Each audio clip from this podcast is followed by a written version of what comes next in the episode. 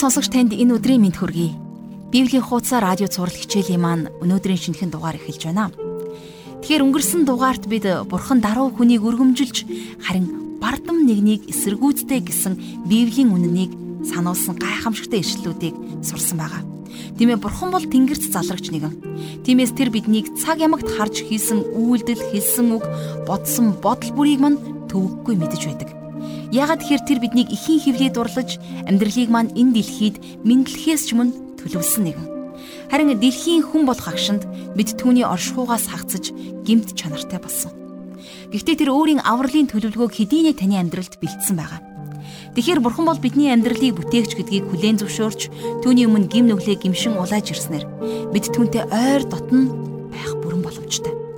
Харин итгэвч та түүн рүү үнэхээр итгэл найдвартын очиж чаддгүй. Эсвэл заримдаа асуудал бэрхшээлтэй тулгарх үедээ бид өөр хандлага гаргадаг. Тэгвэл өөрсдийн бурханд бүх гуйлд залбирлаа чин сэтгэлээсээ өргөдөг. Түүнийг үнэн зүрхээр хүндлэн дээдэлдэг хүмүүст тэрээр итгэлийн амьдралыг гайхамшигтайгаар хүчрхэгжүүлдэг нэгэн гэдгийг хэлье. Эзэн өөрт нь итгэж найддаг хүмүүсийг ч өөрөө хүрээлэн оршиж өөрөө хамгаалан зогсдог юм. Эзэнд итгэсэн бид бол мөнх амьтай. Мөнхөд бурхны хаанчл тэр хамгаалтанд ор байх ивэлтэй хүмүүс. Бас өмнөх хичээлдээр бид гэр бүл гэсэн үндсэнтэй бэлгийг бурхан бидэнд өгсөн тухай маш чухал үгнээс хамтдаа сурсан байгаа. Гэр бүлийн гишүүд бүгд эзнээс имэж, эзэнд итгэж найдаж амьдарч сурхаас нааш гэр бүл бүрэн дүүрэн аз жаргалтай байх боломжгүй. Тиймээс бид гэр бүлдээ эзнээс имээхүйг төлөвшүүлцгээе гэсэн уриалгаар ивэл өрөөлтөө энэ цагийг бурхандаа даатгаж залбирцгаая.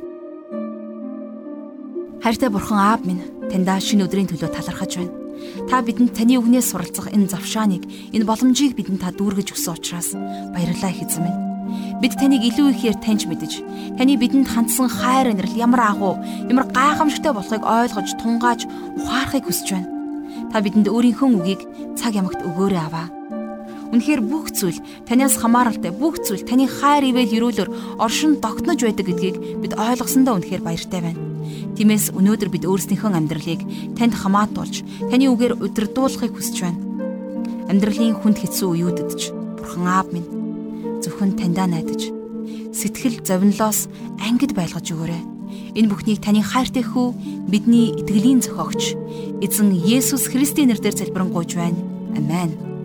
Ингээд хамтдаа жаргал ах шиг хичээлд анхаарлаа хандуулцгаая.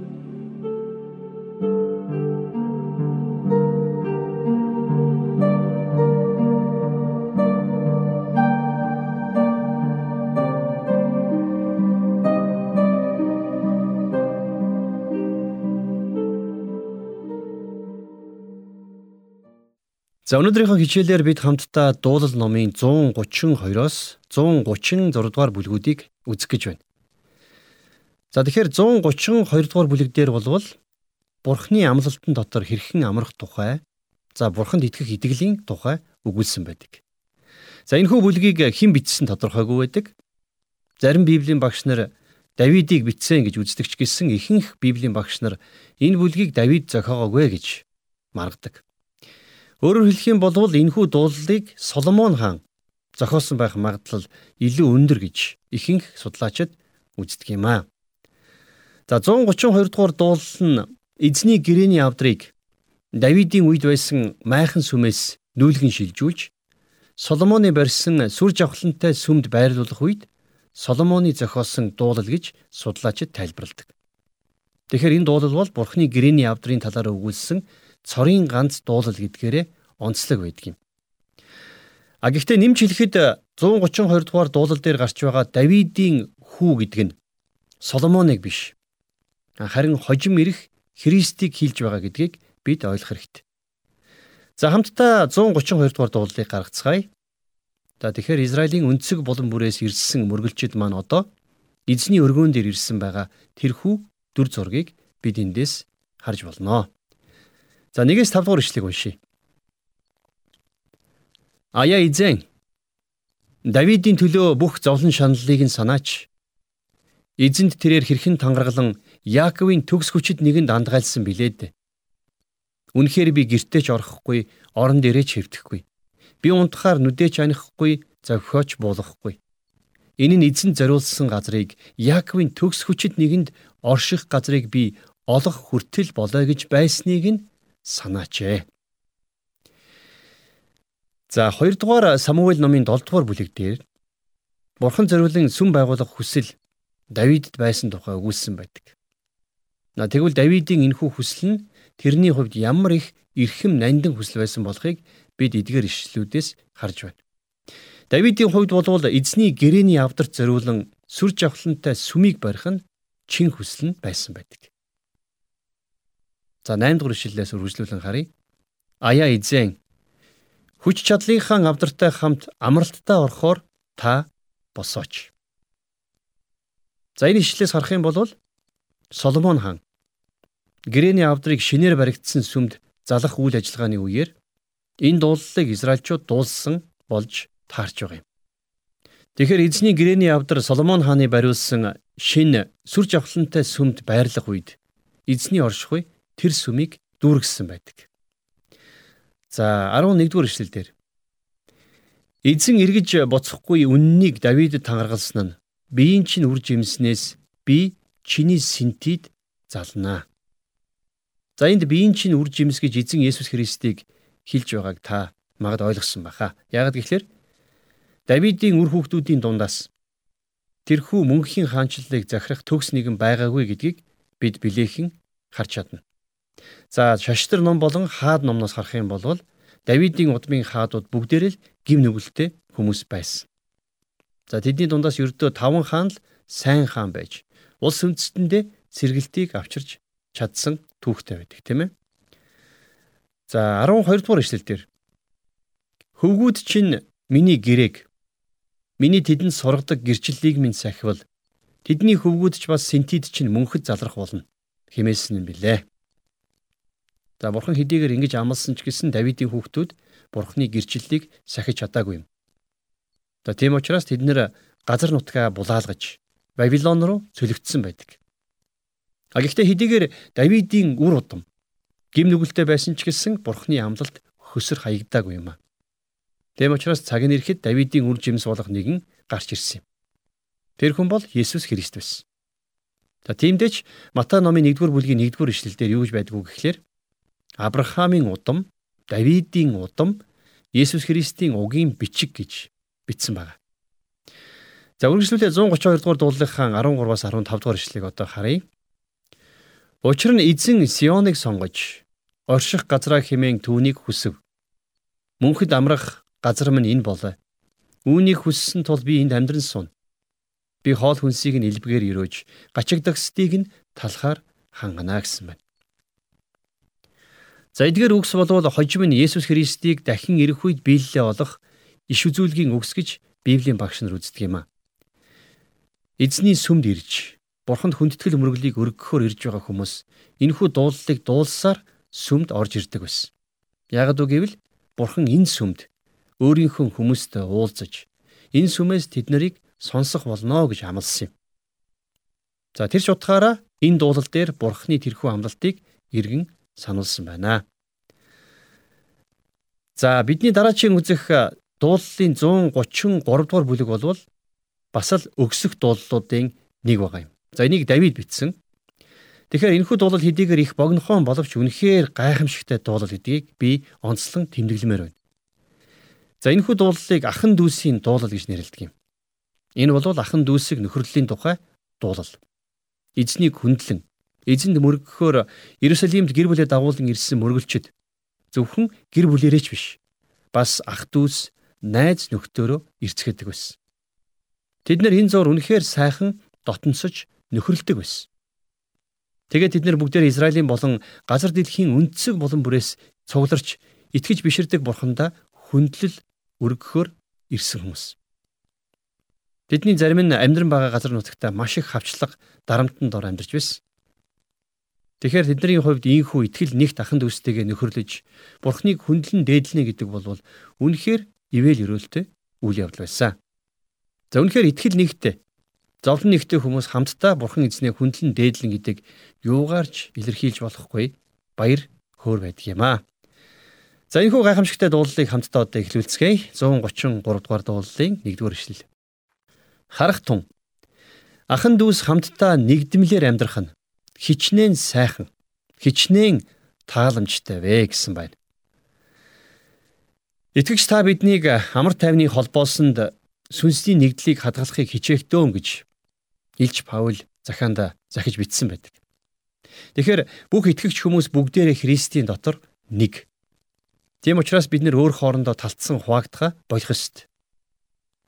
Харамсалтай нь чуулган дотор талцал хуваагдал одоо хүртэл байсаар л байна. Маш олон хүмүүс өөрийгөө өргөмжлөхийн тулд өөр хоорондоо зөрчилдөж, бие биенээсээ дээр гарах гэж зүтгэж байна. Харин итгэгчид бид нэр хамтдаа нэгдмлэр амьдрах нь хичнээн сайхан, хичнээн тааламжтай байх билээд. За 2 дугаар ишлэл дээр сахал дээгүр нь Аароны сахлаар доош урсан, хувцсных нь захаар доош урсаж буй толгой дээрх үн цэнтэй тос адил юм а гэж. За энэ ишлэл дээр бол анх Аароныг тэрүүн дахилж болгон томилж байсан яг тэр цаг үеийг дурсан сансан байгаа. За нөгөө талаасаа болвол энэ нь Есүс Христийн тахилчийн үйлчлэлийг ч гэсэн бас давхар өгүүлж байдаг. За нэгэн мундаг пастор хэлэхдээ энэ ишлэлээс англиун үнээр хангалдаг юм а гэж нэгэн удаа хэлж байсан. Үнэхээр энд гарч байгаа үн цэнтэй тансаг үнэртэй тос бол тухайн хүнийг бурхны өмнө ард түмнийг зуучлах тэрүүн тахилж болгон томилж байгаа томилгоо тослогоог илэрхийлсэн тийм тос байсан. Эндээс бид нар бүх хүндрэлтний төлөөх тэргүүн тахилж болсон Есүс Христийн дүр зургийг харж болно. Тэр бол зөвхөн хаан биш. Тэр бол тэргүүн тахилч. За хэрвээ дуулалын 45 дугаар бүлгийн 7 дугаар ишлэгийг харах юм бол эзэн Есүсийн тахилчийн тослогооны талаар ингэж бичсэн байгаа. Та зөвхт байдлыг хайрлаж, буруу явдлыг үзэн яддаг. Тиймээс бурхан, таны бурхан нөхдийнтэн дээгүүр таныг баяр баясгалын тосоор тословоо гэж хэлсэн байдаг. За мөн бас Изекиэл номын 39 дугаар бүлгийн 29 дугаар ишлэлдэр би хойшод нүрээ тэднээс нуухгүй. Учир нь би Израилийн гэр дээр сүнсээ асгах болно гэж эзэн бурхан тунхаглаж байна гэж бичсэн байна. За энэ бол иш үзүүлэгч Изекиэлийн ирээдүйд хандсан зөгнөл иш үзүүлэг байна. Тэгэхээр саяын бидний уншсан ишлэлдэр гарсан Аароны сахлаар доош урсан байгаа үнэт тос шиг өөрийн ариун сүнсийг бурхан асгах болно гэдгийг энд зөвгнөн хэлсэн байдаг. За тэгээд энэхүү зөвгнөл хизээ биелэлээ болсон бэ гэхлээр зэрэг за үйлс номын 2 дугаар бүлэг дээр гардаг үйл явдал буюу Пентекостийн өдөр биелэлээ болсон юм а. Харин өнөөдөр Есүс Христэд итгэсэн бид нар ариун сүнсийг хүлээн авч Христийн нэгэн бий болцгоодог тийм ээ. Харин Есүс Христ бол бидний тэрүүн тахилч. Тийм учраас бид нэр ариун сүнсний нэгдлийг хадгалан амьдрахыг хичээх учиртай байдаг юм аа. За 3 дугаар эшлэл дээр үргэлжлүүлээд Сионы уулс дээр буудаг Хермоны шүүдэр адил юм. Учир нь тэнд эзэн өрөөлийг мөн хамиг тушаасан билээ. За энэхүү бүлгийн төгсгөлд ахан дүүс хамтдаа нэгдмэл байх нь эзний өрөөлийг хүртдэг болохыг сануулсан байна. За хамтдаа одоо 134 дугаар дуулалыг эхлүүлье. За энэ бол бидний үдсэн өгсөх дуулалын хамгийн сүүлчийн дуулал байна. Өөрөөр хэлэх юм бол эзэнд мөргөл өргөхөөр алсаас ирсэн мөргөлчин маань эзний өргөөн дотор зогсоод бурхныг баяртайгаар магтаж байгаа тэрхүү дүр зургийг бид нар эндээс харж болно. За 134 дугаар дуулал бол богинохон ердөө 3 хаан ишлэлээс бүрдсэн бүлэг. А гэхдээ энэ гурван ишлэлд үнэхээр маш их ивэл өрөөл нуугдж байгаа гэдэгт би итгэлтэй байна. За 1-ээс 2 дугаар ишлэгийг одоо харъя. Харах тун. Эзний өргөөнд шөнөөр зогсдог. Эзний бүх зарцнаар эзнийг магтах тун. Ариун газарт хандуулан гараан өргөж эзнийг магтах тун гэсэн байна. За алс холоос бурхандаа хүндлэл мөргөл өргөхөөр ирсэн мөргөлчин маань өөрийнхөө амьдардаг тэр газартаа бусдад хавчигдан шоовдрлогддог байсныг бид үзсэн. Айл хөршийн хүмүүс нь тэрнийг гадуурхаж тэрэнд таагүй ханддаг байсан.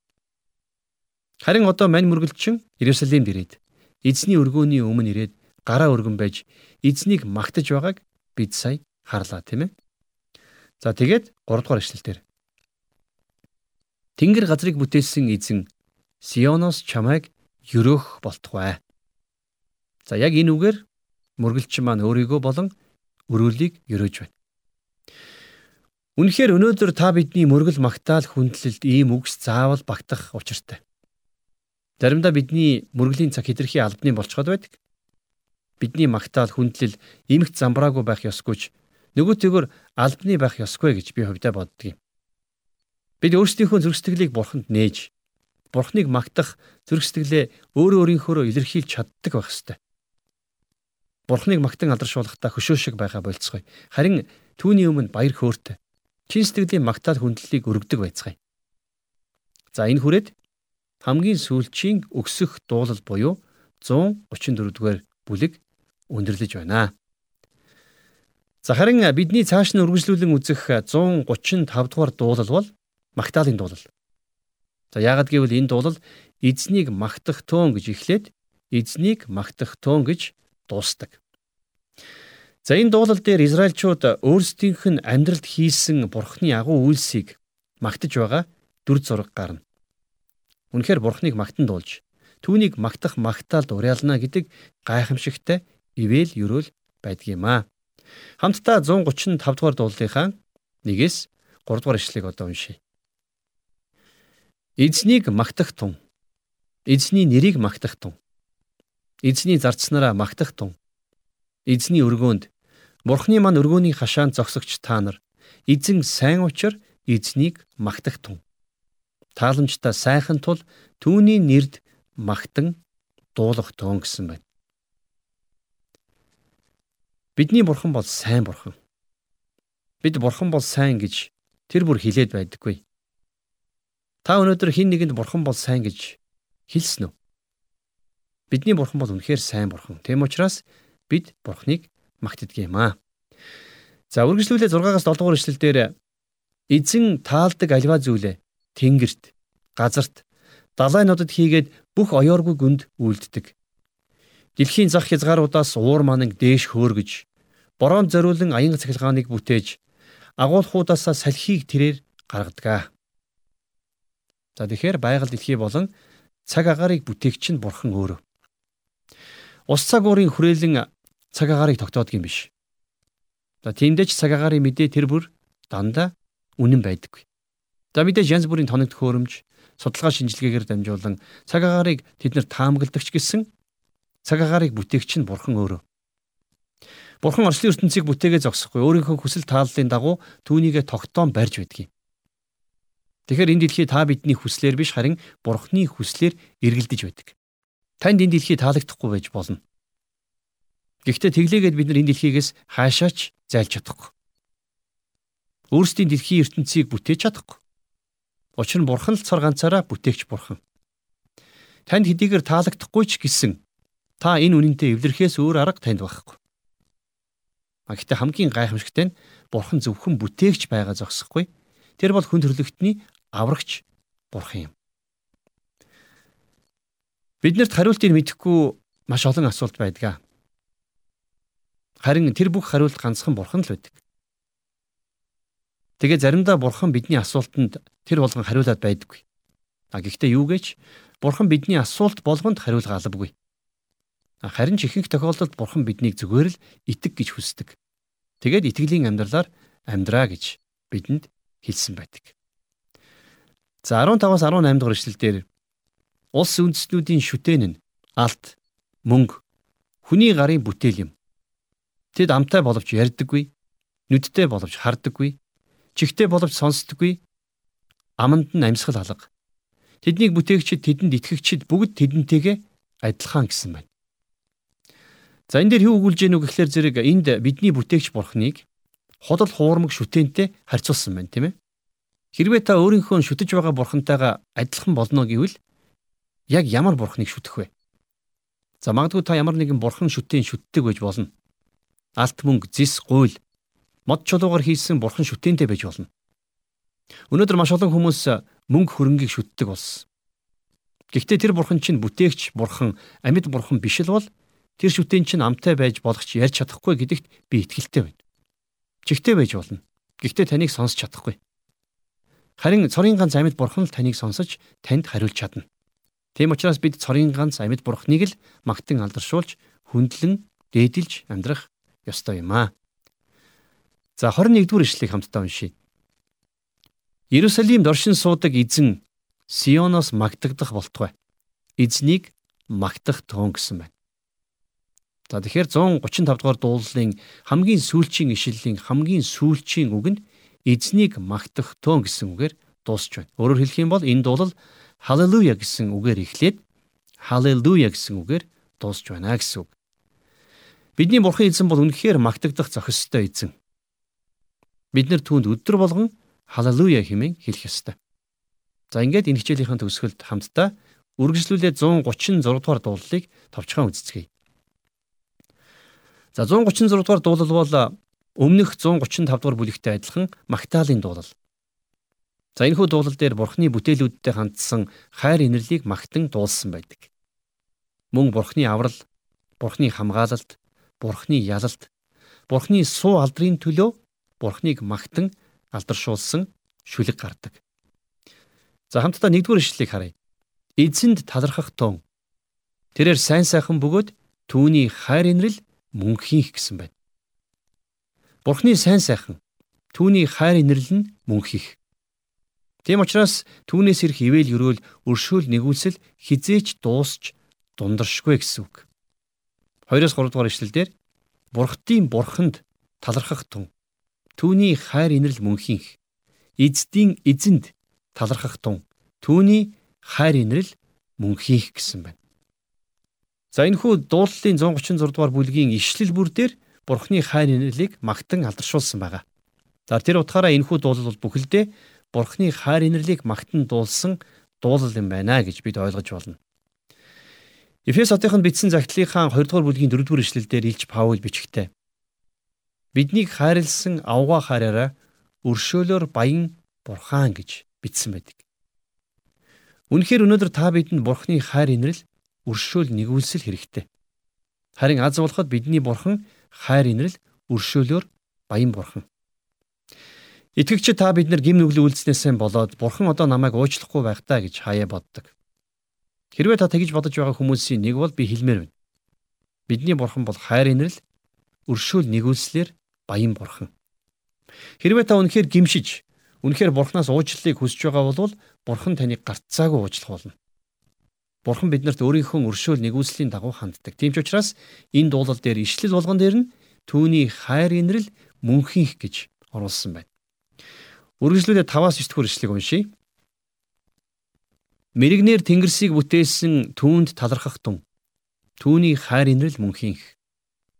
Газрыг усан дээгүр дэлгсэн түүнд талархах тун. Түүний хайр инрэл мөнхийх. Агуу гэрлүүдийг бүтээсэн түүнд талархах тун Түүний хайр инрэл мөн хийх. Нараар өдрийг захируулагч түүнд талархах тун. Түүний хайр инрэл мөн хийх. Сар ба оддоор шүнийг захируулагч түүнд талархах тун. Түүний хайр инрэл мөн хийх. Бидний саяын уншсан хэсэгдэр Бурхныг бүтээгч Бурхан гэж магтан алдаршуулсан байгааг бид сая харлаа. А гэхдээ ишлэл болгоных нь ард мөн л түүний хайр инрэл мөн хийх гэсэн үгс зураж байна. Харин 10 дугаар ишлэлээс 22 дугаар ишлэлийг дуустал Египтийн боолчлолоос Израилийг чөлөөлж тэднэрт газар нутгийг өв болгон өгсөн бурханд талархлыг өргөсөн байдаг. А гэхдээ мөн л ишил бүрийн ардалд түүний хайр инрэл мөнхийх гэсэн үг дахин дахин давтагдж байгаа. За 21-с 22 дугаар ишлэлдэр газар нутгийг нь өв болгон өгсөн түүнд талархах тун. Түүний хайр инрэл мөнхийх өөрийн зарц Израильд өв болгосон түүнд талархах тун. Түүний хайр инрэл мөн хийх гэсэн байна. За энэ хэсэгдэр болвол Израильчуудад газар нутгийг өв болгож өгсөн бурхан талархсан байгаа. Харин 136 дугаар дуулалын төгсгөлийн хэсэг зөвхөн Израильчуудын хувьд ч биш та бидний хувьд ч гэсэн бас үнэхээр маш гүн гүнзгий утга учиртай ишлүүд байна. Хамтдаа уншицгаая. Биднийг дорд үед маань дурсан сансан түүнд талархах тун. Түүний хайр инрэл мөнхийнх. Биднийг өстнүүдээс минь аварсан түүнд талархах тун. Түүний хайр инрэл мөнхийнх. Бүх махбодод хоол хүнс өгдөг түүнд талархах тун. Түүний хайр инрэл мөнхийнх. Тэнгэрийн бурханд талархах тун. Түүний хайр инрэл мөнхийнх.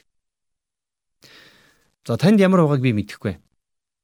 Харин миний хувьд бол би үнэхээр бурханд хандан халелуя гэж хэлмээр санагдаж байна. Бидний бурхан бол үнэхээр гайхамшигтай бурхан. Түүнийг магтаж, түүнийг алдаршуулхан зохистой. Та биднийг бүдрэн унах үед бурхан биднийг өндийлгэн босгодог. Энэ бол бурханы өршөөл нэгүүлсэл. Тэм учраас түүний мөнхийн хайр инэрлийг хамтдаа мөнхийн мөнхөд магтан алдаршуулж амьдарцгаая.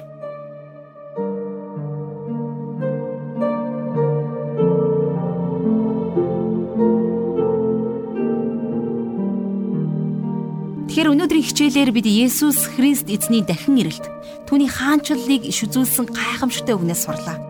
Үнэхээр эзэн Есүс Христ дахин ирэх үед тэр энэ дэлхийг бүхэлд нь шударгаа шүүж өөрийн хаанчлалыг байгуулах болно.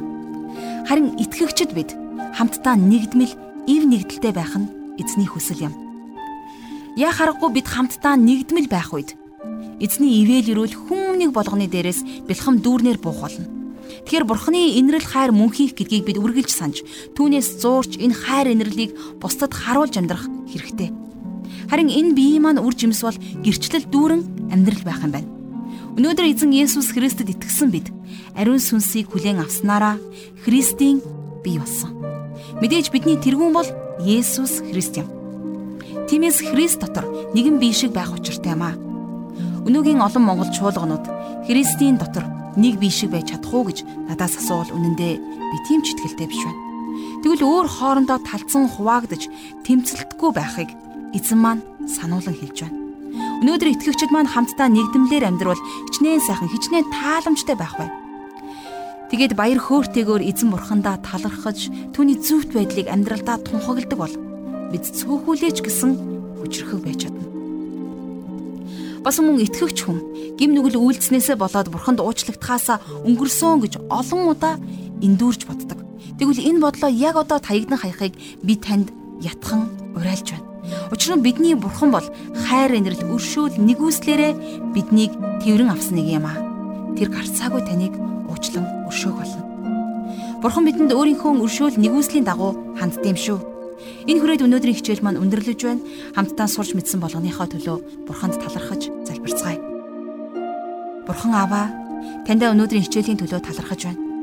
Бидэнд хандсан таны хайр инрэл мөнхийх учраас Аава таньда баярлалаа.